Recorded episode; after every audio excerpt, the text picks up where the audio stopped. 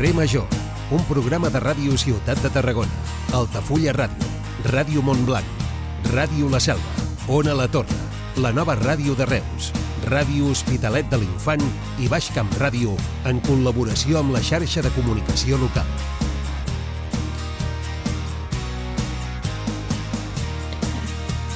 Hola, bona tarda, benvinguts un dia més a Carrer Major, el programa que fem 8 emissores del Camp de Tarragona tirant quilòmetres de cable, com li agradava dir el company Eduard Virgil, que ara el tenim de permís per paternitat. Avui, per començar, us volem destacar una notícia d'aquestes boniques, per variar una mica, eh? perquè sempre parlem o de desastres o de coses serioses. Avui també és una notícia bonica i trista al mateix temps. I ara veureu per què. Destaquem que la cineasta Patricia, Fro, eh, Patricia Font estrenarà avui divendres l'adaptació cinematogràfica del mestre que va prometre al mar. Ho farà el Festival La Seminci de Valladolid, una pel·lícula que interpreten Enric Auqué i Laia Costa i que es tracta d'un homenatge a un personatge d'aquí, del Camp de Tarragona. Estem parlant del mestre Antoni Benages, fill de Montroig del Camp. Ell, durant l'època de la República, va ser professor en un petit poble de Burgos i allí els seus alumnes els parlava del mar i els va prometre que els portaria al seu poble per ensenyar-los-hi. Benages, però, com tantes altres persones de la República que van ser represaliades, va acabar morint en la Guerra Civil i aquell somni, aquella promesa, no es va poder complir.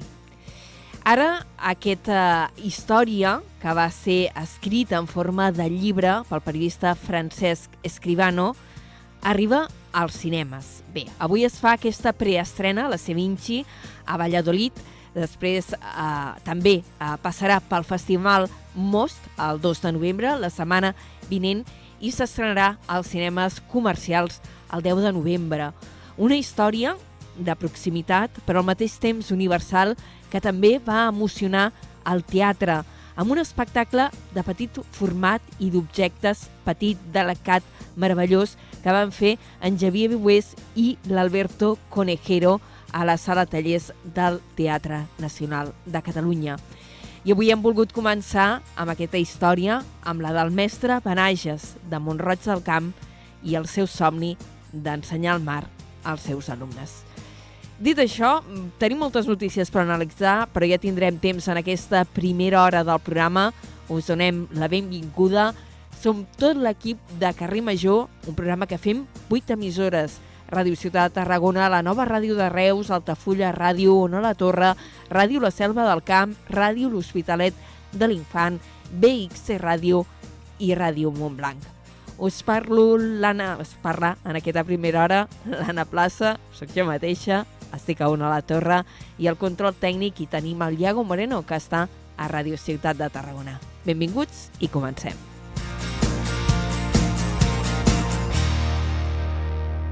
Carrer Major, Anna Plaza i Jonai González.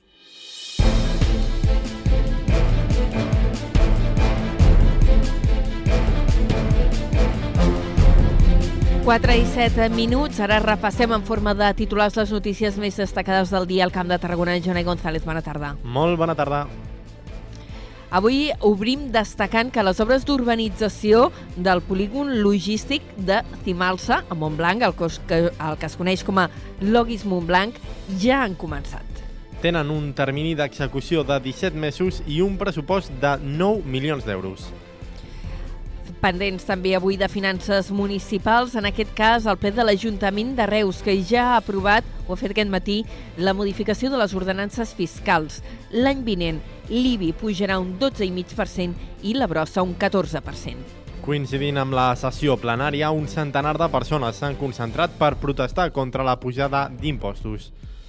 El ple de la Diputació de Tarragona ha aprovat una modificació de crèdit eh, que permetrà atreure turistes xinesos a la Costa Daurada. Es farà una campanya promocional amb la Federació d'Empresaris d'Hostaleria de la província de Tarragona amb l'objectiu de fer arribar 100.000 persones al territori. I a més qüestions aquesta nit, el temporal marítim que persisteix ha esfondrat part del passeig de botigues al mar d'Altafulla. L'embat de les onades ha acabat d'erosionar i l'estructura en un tram central d'uns 20 metres.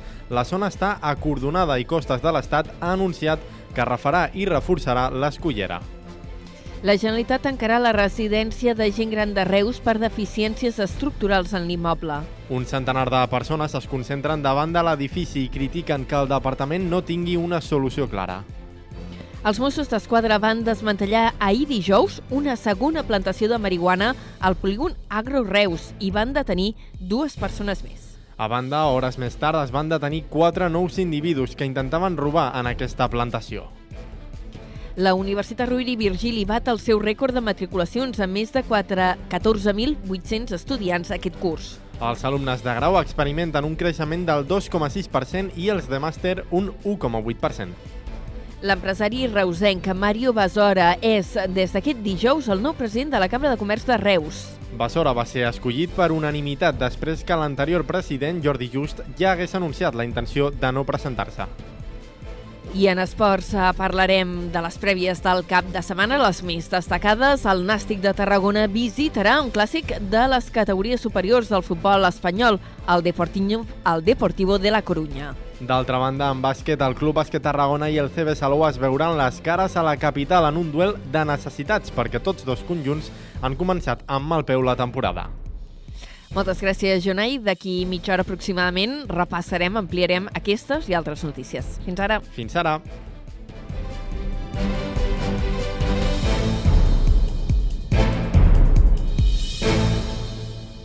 Carrer Major. Toni Mateos.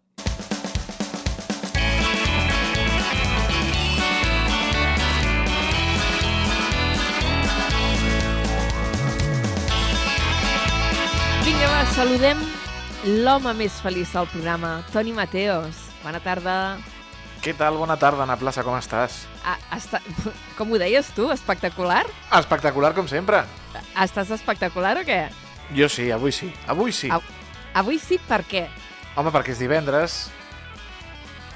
És divendres, acabes de tornar de creuer i ja estàs pensant en el cap de setmana. Molt Clar bé, que eh? sí, dona. Jo soc, Et jo soc, felicito, fill. jo soc com la família real, que durant les vacances Oh. pensen en les vacances. Escolta, ara que dius família real, Sí. eh, crec que hauríem hagut de fer una cobertura informativa de la presència de Deunya Sofia aquesta setmana al Mhm. nostre territori, eh? Sí, sí, va estar, com he dit, al, al barri. Podria, podrien haver enviat una unitat mòbil Sí. amb ma mare, perquè estava allà ma mare. Està... Sí, sí. Va baixar a van a veure-la, veure, no? Sofia. Sembla- Sí, sí, sí, sí, va baixar a veure-la, i tant. I què, com la va- enfadat, enfadat amb ma mare, enfadadíssim amb ma mare. Ja, bueno, mira, coses d'aquestes. Jo et diré que a mi m'agrada mirar-me l'ola, eh? Sí, però... Tinc és mirar- febleses. Això és mirar-te l'ola en 3D.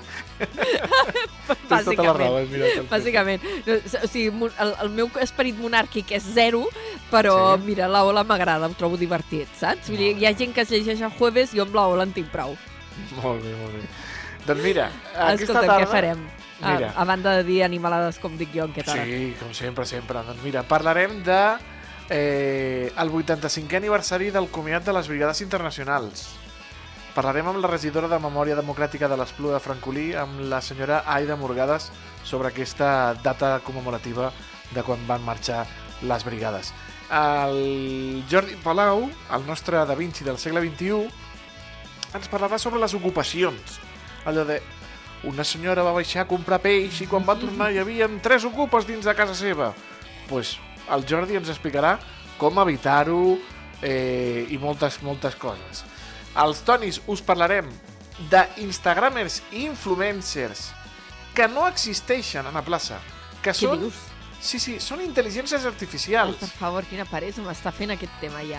E és brutal perquè dius tu, oh, segueixo aquesta noia perquè m'agrada el seu contingut i és molt guapa. Doncs Sí, no, és no existeix. mentida, no Per existeix. favor. Tindrem banda sonora amb el David Fernández i furgoneta amb el Miquel Llavaria, que avui em sembla que se'n va cap al Mèdol de Tarragona per parlar sobre una exposició amb la comissària de l'exposició. Sí, tenien coses noves al Mèdol, al Centre d'Art de Tarragona. Doncs perfecte, una segona hora ben farcida. Sempre ben farcida. Doncs, eh, Toni Mateos, a les 5 et passo el relleu. L'agafaré molt de gust. Perfecte, fins després. Adéu, Anna, adéu. Cada tarda de dilluns a divendres fem parada a Carrer Major.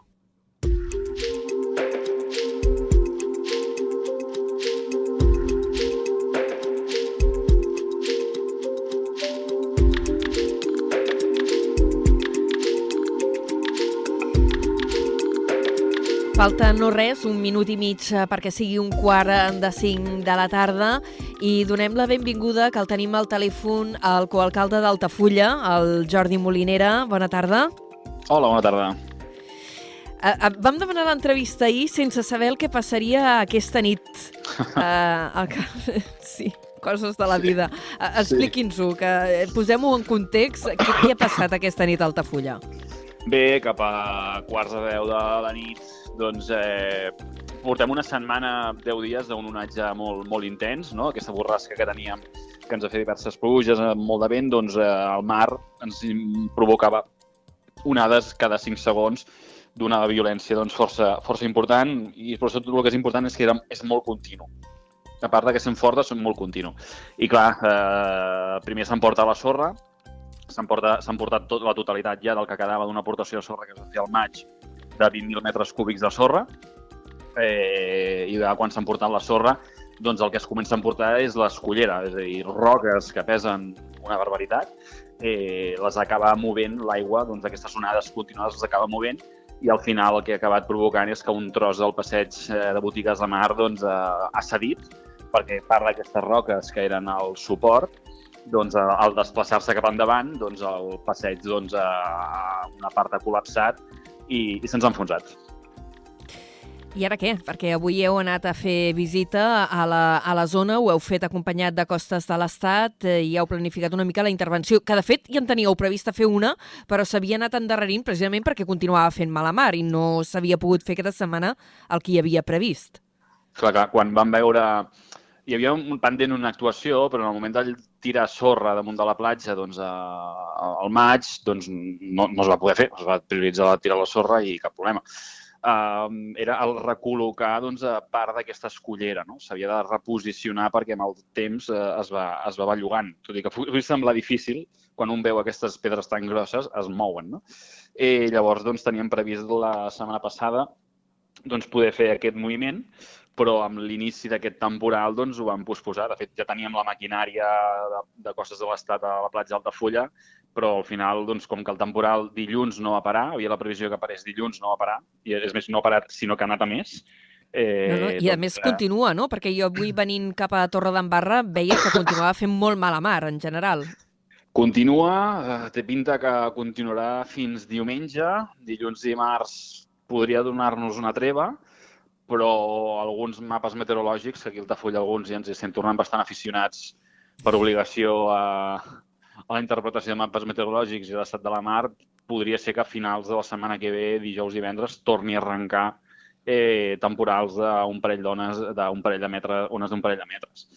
Per tant, doncs, eh, intentarem aprofitar el màxim possible doncs, amb costes de l'Estat per fer una intervenció de retirada del que s'ha malmès del passeig, però sobretot de reestructuració aquesta escollera que, que sustenta part de, del passeig de botigues de mar. I, i em Però no sembla que per... No, no, és que anava a dir, a més, eh, eh, parleu ja de fer servir formigó, que no sé si era una previsió inicial de fer servir aquest, eh, aquest material eh, per consolidar aquesta estructura de roca sobre les quals s'aguanta el mm. passeig. Del formigó portem molt de temps parlant. I, de fet, eh, el abril-maig de l'any passat, quan va haver la moció de censura Altafulla per la platja, precisament, doncs eh, Costes de l'Estat havia fet una intervenció amb formigó, amb injecció de formigó. Eh, no es va acabar fent el mes de maig. Eh, llavors, a l'estiu es va dir des de l'anterior equip de govern que es faria el desembre. El desembre no es va, no es va fer mm, i Costes de l'Estat ara mateix no ho veu com una, com una solució. De fet, on s'ha trencat el passeig, eh, a sota hi ha sorra del, de la platja. Està compactada just a sota. Per tant, on injectar formigó seria molt complicat perquè ja hi ha alguna que és la pròpia sorra de la platja. Aquest és un, el nostre és un passeig que està construït literalment damunt de la sorra de, de la platja. No? Per tant, és una situació doncs, bastant complexa i ara ens centrem en un curt termini que és com eh, com, com, com re, recuperem l'estabilitat del passeig eh, reconstruint eh, la part aquesta doncs, d'escollera, que s'ha descalçat i s'ha esllavissat cap endavant. Si algú va ho, ho veurà, que, que les roques escolleres s'han esllavissat cap a dins del mar. I llavors la segona fase ja serà doncs, a tota la part de botigues de mar, d'aquest mur que s'ha trencat, s'ha enfonsat, de fet, està, està enfonsat, eh, que són uns 40 metres lineals més o menys, 30-40 metres lineals, doncs com ho recuperem doncs, eh, per, per, per, per la propera per de cara a l'any que ve, perquè si hem tingut aquest temporal d'aquests 8-9 dies últims, és que els mapes ja veiem que, que el cap de setmana que ve potser hi torna i comencem època de temporals. Per tant, doncs, eh, també pensant en actuacions que siguin eh, duraderes eh, en el temps i no actuacions que doncs, potser només ens aguantin sis mesos.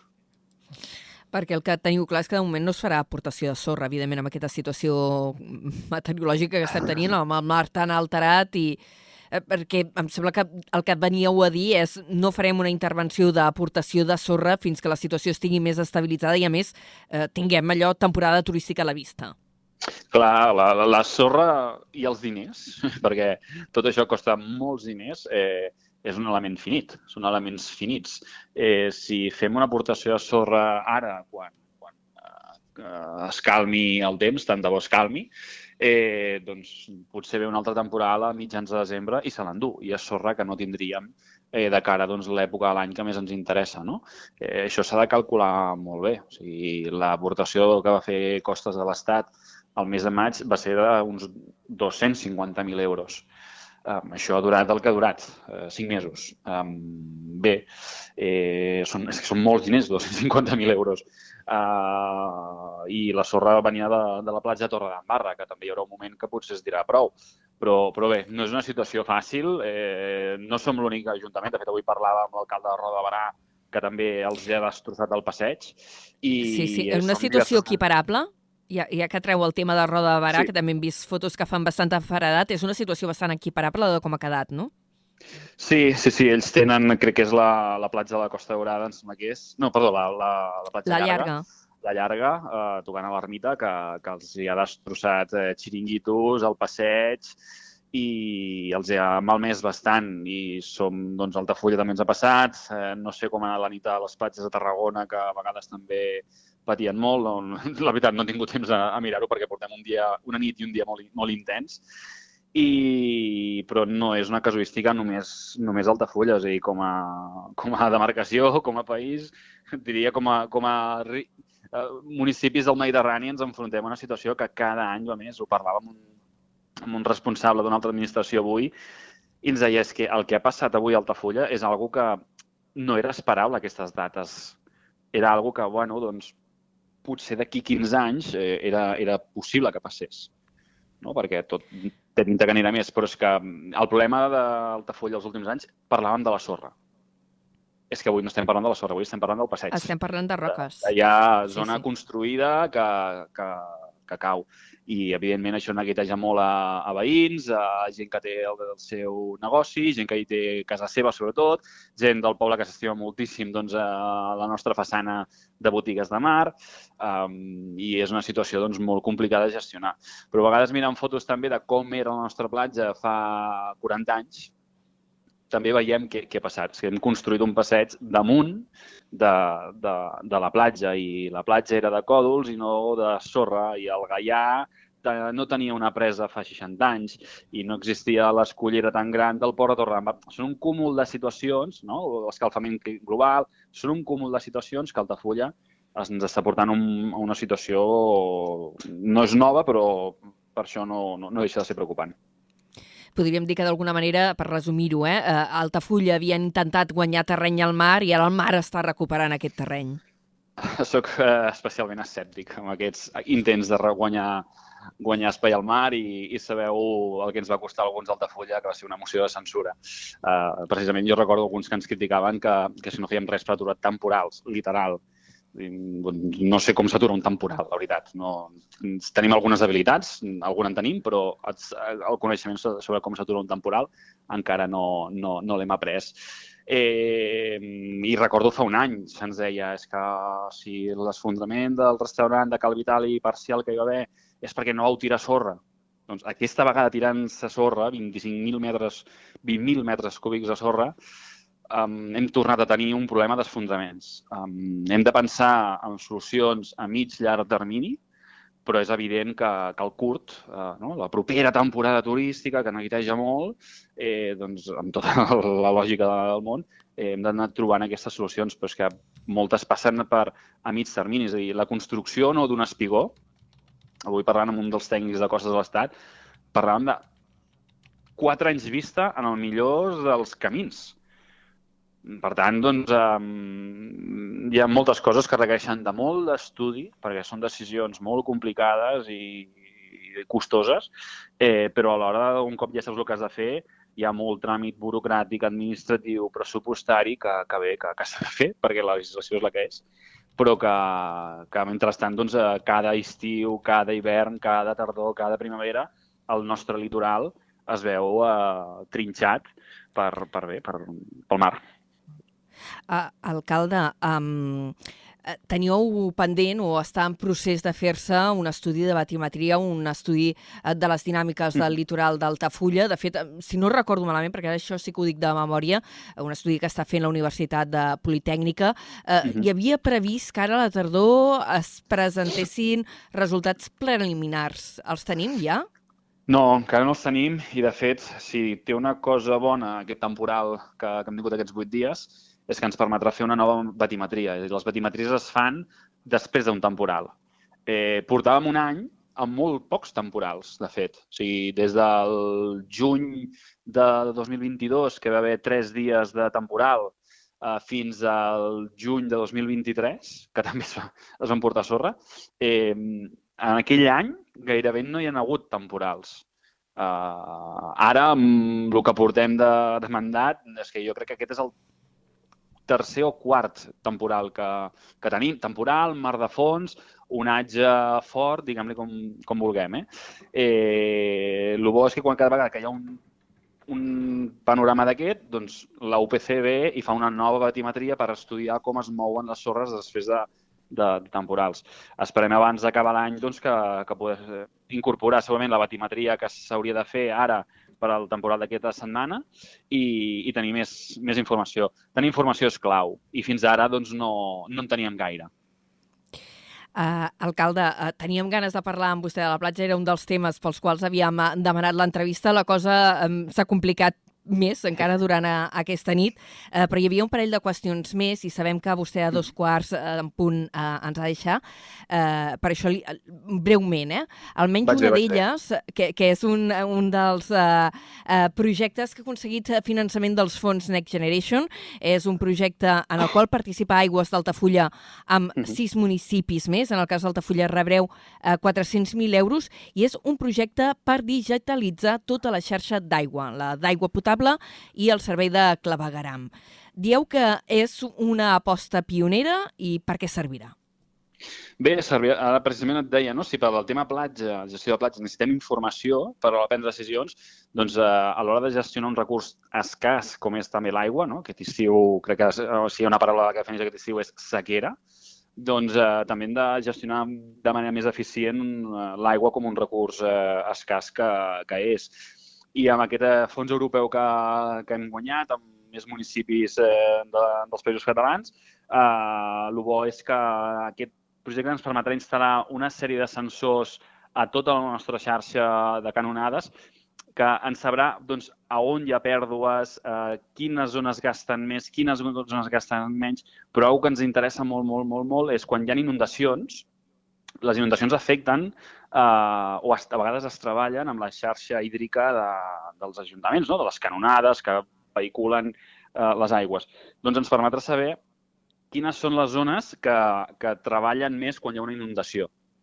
Com, com, com es comporta una canonada, si entra en càrrega, si té més capacitat, si quan aixequem un carrer, doncs aquella canonada que té un ample, doncs aprofitem per, per donar-li més ample perquè així pot evacuar més aigües quan hi ha inundacions. Doncs tota aquesta informació i molta, i ens serveix per moltes més coses que podem estar parlant una hora, en temes d'habitatge, en temes de recursos de gestió de la brossa, amb, amb moltes coses. Tota aquesta informació que els ajuntaments tenim quan, quan la treballem ens ajuda a prendre decisions. No? Fins ara, eh, moltes decisions es prenen amb supòsits. No? Allò, ostres, jo crec que les inundacions eh, peten per aquí, per això, per allò. Eh, subvencions com aquestes ens permetran fer inversions que prendrem decisions amb dades exactes. No, ja no seran només suposicions o, o creences. Uh, això és una inversió, un, un pressupost, una subvenció que us arriba dels fons Next Generation de 400.000 que permetrà pagar una mica menys uh, del que costarà. O sigui, estem parlant d'una inversió de gairebé un milió d'euros, que per un municipi de les dimensions d'Altafulla entenc que és una inversió molt important. Bé, la, la subvenció que s'ha guanyat... O sigui, el projecte total per Altafulla és de 450.000 euros i la subvenció que hem rebut ah, és de 250-240 i la resta l'hem de ficar com, com a Ajuntament. L'únic que va haver, amb la de premsa, jo crec que va haver una aquesta confusió, perquè com que hi ha 14 municipis sí. més, hi ha algunes quantitats econòmiques que, que, es, que es barregen. Havia algun mitjà sí, de comunicació sí. que havia ficat... I ara m'havia confós, guanya, també. Algun 7 milions i mig, no? Altafulla guanyat 7, 7 milions d'euros. Hòstia, m'hauria agradat, ja. Doncs no, no, això era el global de tots els municipis que participeu en aquest projecte. Doncs això, el cost del pressupost del projecte són 400.000 euros i sí. una miqueta menys de la meitat eh, amb fons europeus. Clarificat això, una última pregunta.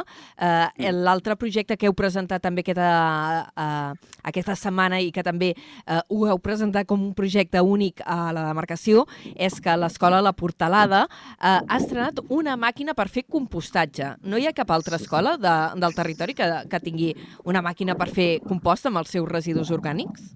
No, no, no n'hi ha cap més. Eh, en tota la marcació no, no, hi ha, no hi ha cap, però fruit de la iniciativa nostra i del projecte que ja fa temps que, que portàvem treballant, eh, sí que s'han interessat d'altres escoles del, del territori. De, ahir me'n parlava una de la Conca Barberà, que volen venir a mirar-ho. Eh, bé, al final, és que parlem de sorra, parlem d'aigua, però també parlem de, de menjar. Són recursos escassos i d'alguna manera o altra doncs, s'han d'aprofitar. I en aquesta ocasió doncs, eh, ens, ens va presentar, vam voler presentar aquest projecte una compostadora en una escola i així també amb la canalla doncs, treballem aquests valors no, de reutilització del, dels recursos. I des de ben petits doncs, eh, eh, ser conscients doncs, que tot és limitat, no hi ha res que sigui infinit i que, per tant, hem d'aprofitar-ho tot quan més millor. També volia preguntar per la controvèrsia sobre les finances eh, municipals, però potser amb això ja ens estaríem fins a les 5 xerrant o podem fer fem una pinzellada? Fem, fem una pinzellada, si vols. Fem una pinzellada. Uh, vosaltres, des de, des de l'Eina, des de l'esquerra independentista, que sou el partit que ara esteu al govern a Altafulla, uh, heu posat de manifest uh, que faltarien uns 800.000 euros per poder quadrar els números. L'anterior equip de govern de l'alternativa Altafulla diu que esteu fum i que eh, esteu donant aquests arguments per poder pujar impostos. Com ho hem d'interpretar tot això? Què hem d'interpretar? Hem d'interpretar dues coses que són certes. Quan es preparen els pressupostos del 24, doncs eh, la intervenció ens avisa de que desquadra els ingressos amb les despeses en 800.000 euros. Desquadra d'això. I un altre és un fet real, que de maig de 2022 a juny de 2023, és a dir, el govern alternativa, hi ha tota una sèrie de despeses, al nostre entendre desorbitades, és a dir, 232.000 euros a la Violeta, a 60.000 en una paga extra als treballadors que tenen informe negatiu de la interventora, eh, 18.000 en un mural, que ningú entén què coi és, bé, tota una sèrie de despeses. Mm, hi ha alguna anecdòtica, però la quantitat és poc, però és anecdòtica. O sigui, 1.200 euros per pagar tres habitacions d'hotel per un sopar privat d'una gent que no tenia res a veure amb l'Ajuntament d'Altafulla sigui, no sé què fem pagant habitacions de, de quatre estrelles a gent que, que fa un sopar privat d'amics. Sembla molt bé, eh, el sopar privat, però què fem com a Ajuntament? Doncs tu vas sumant tot, tot, tot, tot, tot això i surt una, un volum econòmic que l'últim any doncs, eh, s'ha sumat. O sigui, s'ha sumat aquests recursos. Si s'haguessin gestionat d'una manera responsable i no electoralista, doncs, mitjançant romanent de tresoreria, eh, podríem passar al següent exercici i els podríem utilitzar. Però bé, Cadascú doncs, eh, fa la gestió que, que vol. Jo ja entenc que quan venen eleccions hi ha equips de govern que volen lluir més, però és que aquí van, només el casal de la Violeta, 232.000 euros de despesa. Mm, és, algo, és algo espectacular. Clar, quedava molt bé. Jo també vull que Altafulla vingui Coldplay. Però sé que econòmicament és, és, és insostenible. és insostenible. Hi havia concerts de... de o sigui, 232.000 euros és 5 festes majors a Sant Martí. Ara que estem a les portes de Sant Martí, Altafulla. Sí, esteu a punt de començar, sí, sí. Estem a punt de començar, doncs és l'equivalent a 5 festes majors. O sigui, cada dos mesos i mig, un Sant Martí. Un Sant Martí. Déu-n'hi-do. Déu-n'hi-do. Uh, per tant, tenim un escenari ara que hem de reequilibrar 800.000 euros, estem fent exercici de contenció pressupostària, retallant partides vàries, etc etc. estem arribant als 240.000 i la pujada d'impostos que hi haurà aquí a Altafulla és del 4,5% per exemple de l'IBI. Una miqueta per damunt de l'IPC. Alternativa a Altafulla, que són dels comuns, a Tarragona han avalat un 8%, em sembla. A Tarragona un 8% sí, però Altafulla un 4,5 no, que és una miqueta, és l'IPC. A Tarragona és un 7 amb 4, em Oh. sembla. o un 7 en 4. Um, val, un 7 en 4 a Tarragona sí, a Altafulla no. Bueno, doncs, eh, I al final és la, la, la proporció que pugem d'IBI eh, significa uns 180.000 euros. Que vull dir que dels 800.000 inicials que vam començar a treballar per, per retallar, no, no els fiquem tota a recuperar en pressió fiscal a la ciutadania. De fet, el que fem és contenció pressupostària de moltes àrees de, de, de, de, l'equip de govern, de moltes regidories que s'hauran de- d'estrenyar el cinturó. Ara, quan ells van governar un any, no es van estrenyar el cinturó. O sigui, la regió de cultura nostra, en un any no es gastarà 232.000 euros la Violeta. Bàsicament perquè no hi haurà els diners. Ells sí. Ells, abans de les eleccions, 232.000 euros eh, a la, al casal La Violeta, per posar l'exemple més, més flagrant. Per tant, a vendre fum, no, no. És mentida que es van gastar 232.000 euros a la Violeta? No, no és mentida. És mentida que van pagar 60.000 euros en una paga extra als treballadors? No, no és mentida. Etc etc etc etc. Per tant, fum no. O sigui, ells reclamaven transparència, ens ho van reclamar l'1 ple de setembre, ens van reclamar transparència, nosaltres, eh, cap problema en fer arribar qui vulgui a l'Excel de despeses que hem trobat que, que són, són, són flagrants, entre altres, ja et dic, els 232.000 euros del casal La Violeta. Sabia que amb aquest tema ens allargaríem, eh, alcalde, eh, sense, sense acabat el temps de, de l'entrevista, perquè encara tenim molts més continguts. Tenim una, un informatiu que avui és super farcit de, de notícies, però li agraïm moltíssim que ens hagi atès eh, per parlar de la situació del, del passeig i per parlar d'aquestes altres qüestions que també són d'actualitat al municipi d'Altafulla. Moltíssimes gràcies. A vosaltres. Fins ara, adéu-siau. Adéu, bon cap de setmana. Adéu, adéu.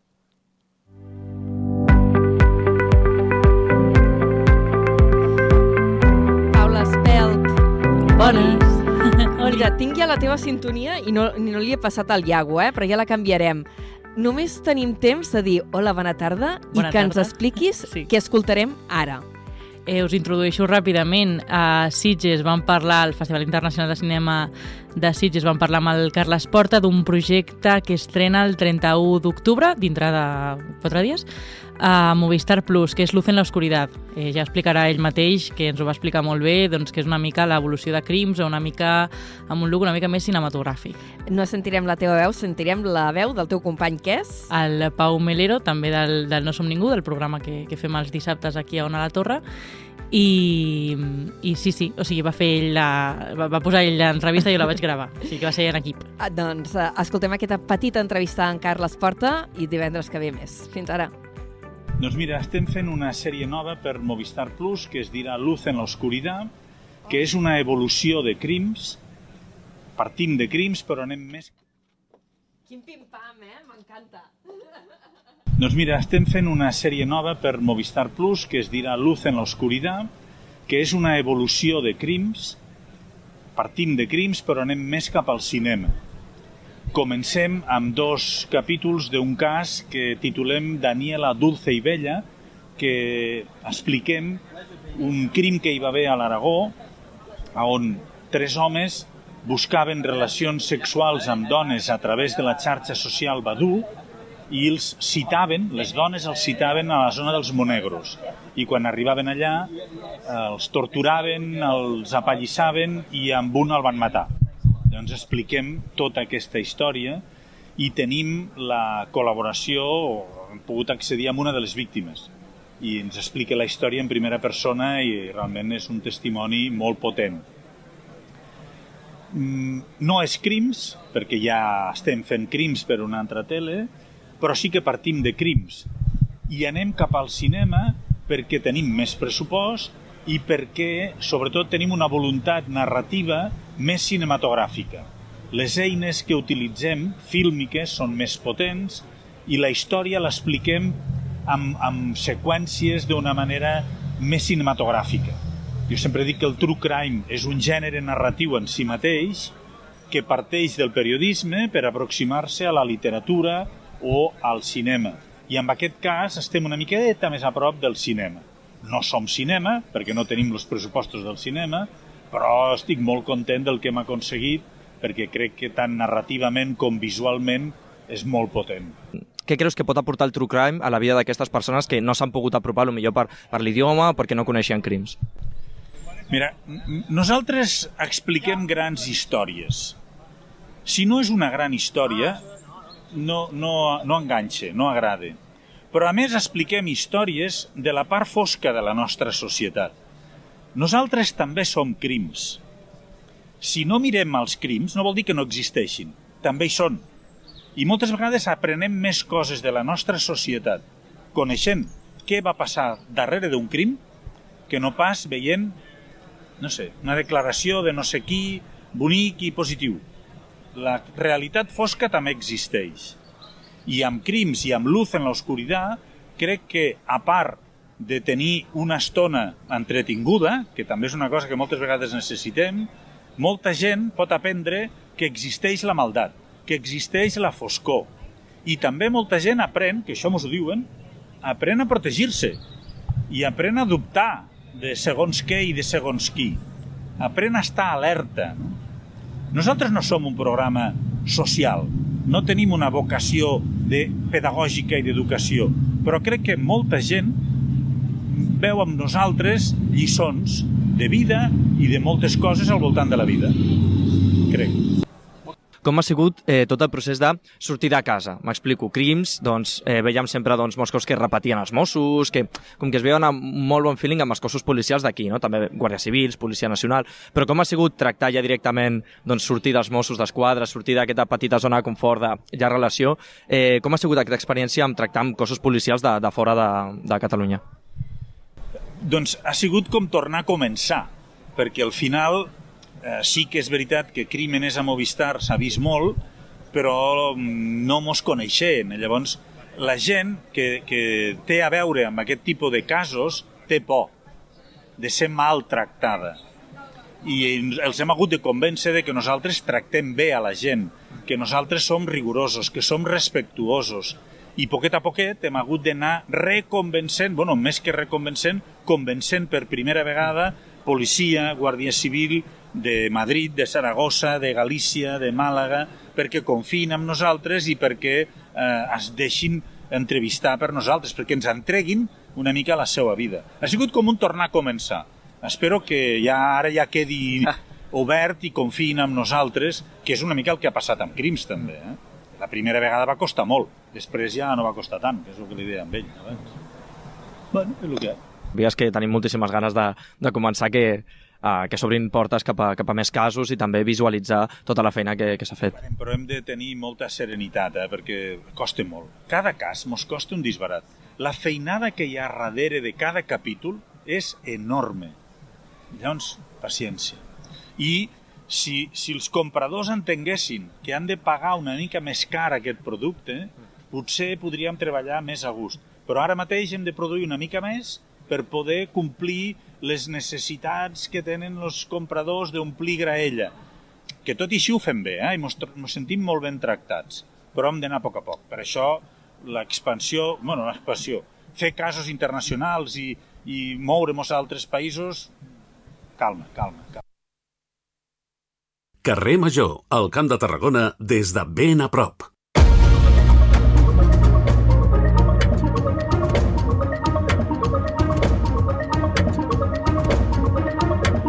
Porta als nostres... Dèiem que són les 6 i 40, les 4 i 42 minuts i havent escoltat aquestes declaracions, aquesta petita entrevista a Carles eh, Porta pel seu nou projecte televisiu, entrem a repassar les notícies del territori, que avui, com dèiem, tenim moltes. Uh, Jonai González, bona tarda de nou. Molt bona tarda de nou. Comencem el repàs a l'actualitat situats a la Conca de Barberà perquè hi han començat les, les obres del Logis Montblanc, el gran polígon logístic impulsat per l'empresa pública Cimalsa. Tenen un termini d'execució de 17 mesos i un pressupost de 9 milions d'euros. Ens en fa la crònica des de Ràdio Montblanc, la Gemma Bufies. La UT Logis Montblanc, formada per les empreses Gixa i Eifaix, ha començat els treballs de la primera fase, que té un pressupost de 9 milions d'euros. Els treballs se centren ara en remoure els terrenys per retirar la terra vegetal per després anivellar tota la zona, que ara està en diverses altures. En acabat s'instal·laran els serveis soterrats com el clavegaram abans de començar a construir els vials del polígon. Aquest, que tindrà l'entrada tocada a l'autopista AP2, ocupa 346.000 metres quadrats de terreny situats entre la via de l'AVE i la del tren convencional.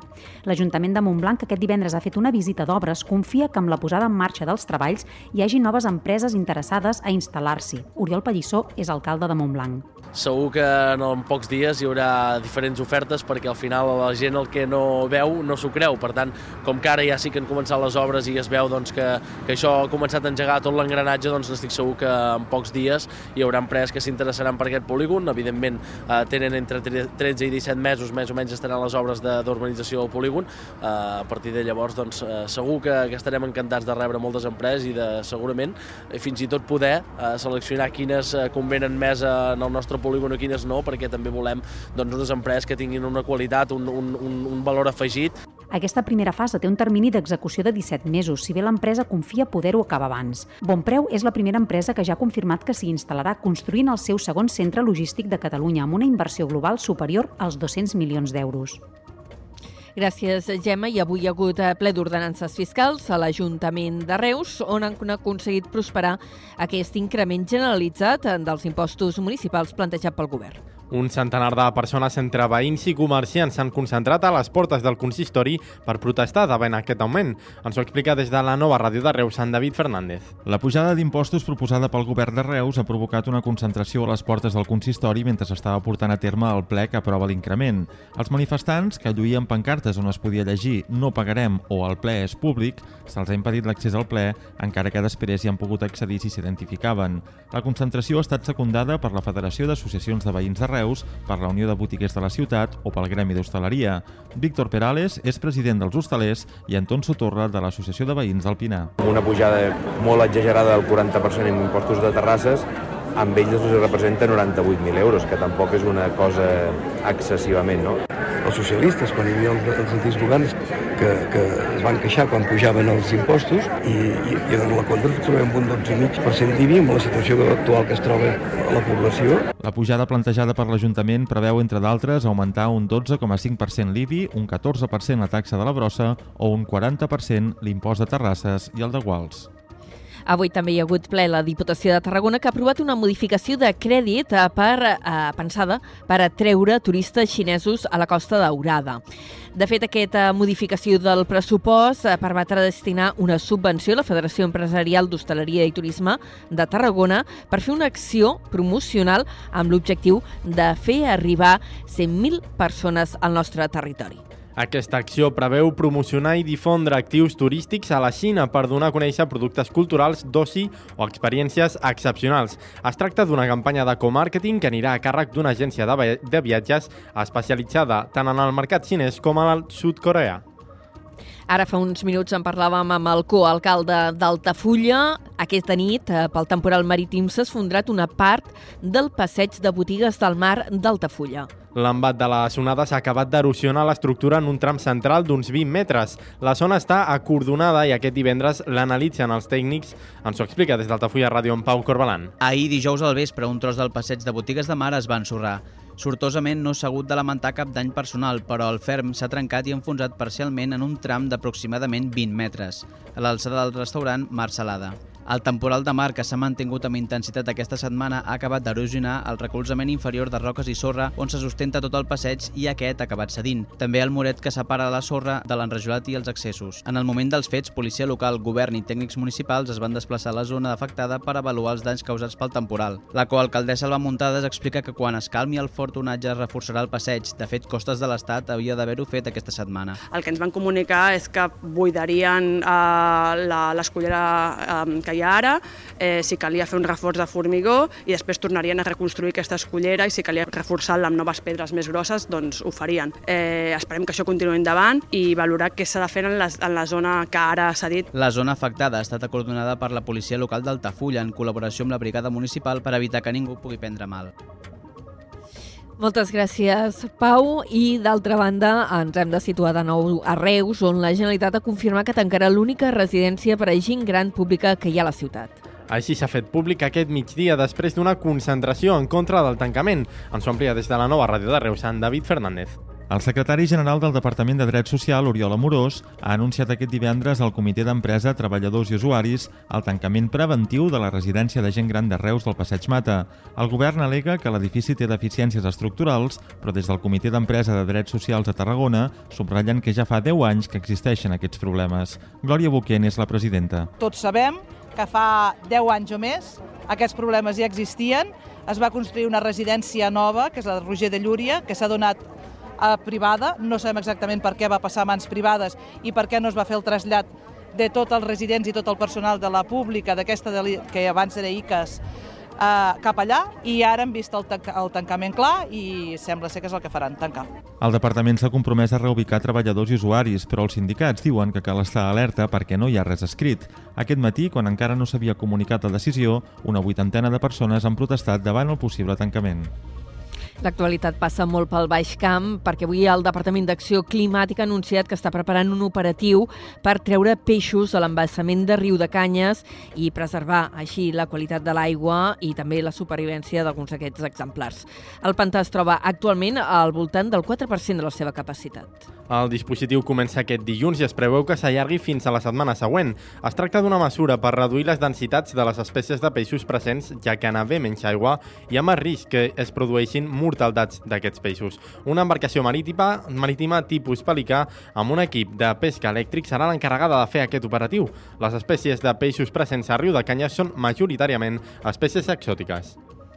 I tancarem aquest primer bloc de l'informatiu parlant d'una nova operació contra el tràfic de drogues. Ja us ho vam explicar ahir, que els Mossos d'Esquadra havien desmantellat eh, una plantació de marihuana al polígon Agro Reus. Doncs bé, hores més tard van anunciar que se n'havia desmantellat una segona i, a més, havien detingut dues persones més a banda de les que ja s'havien detingut al matí.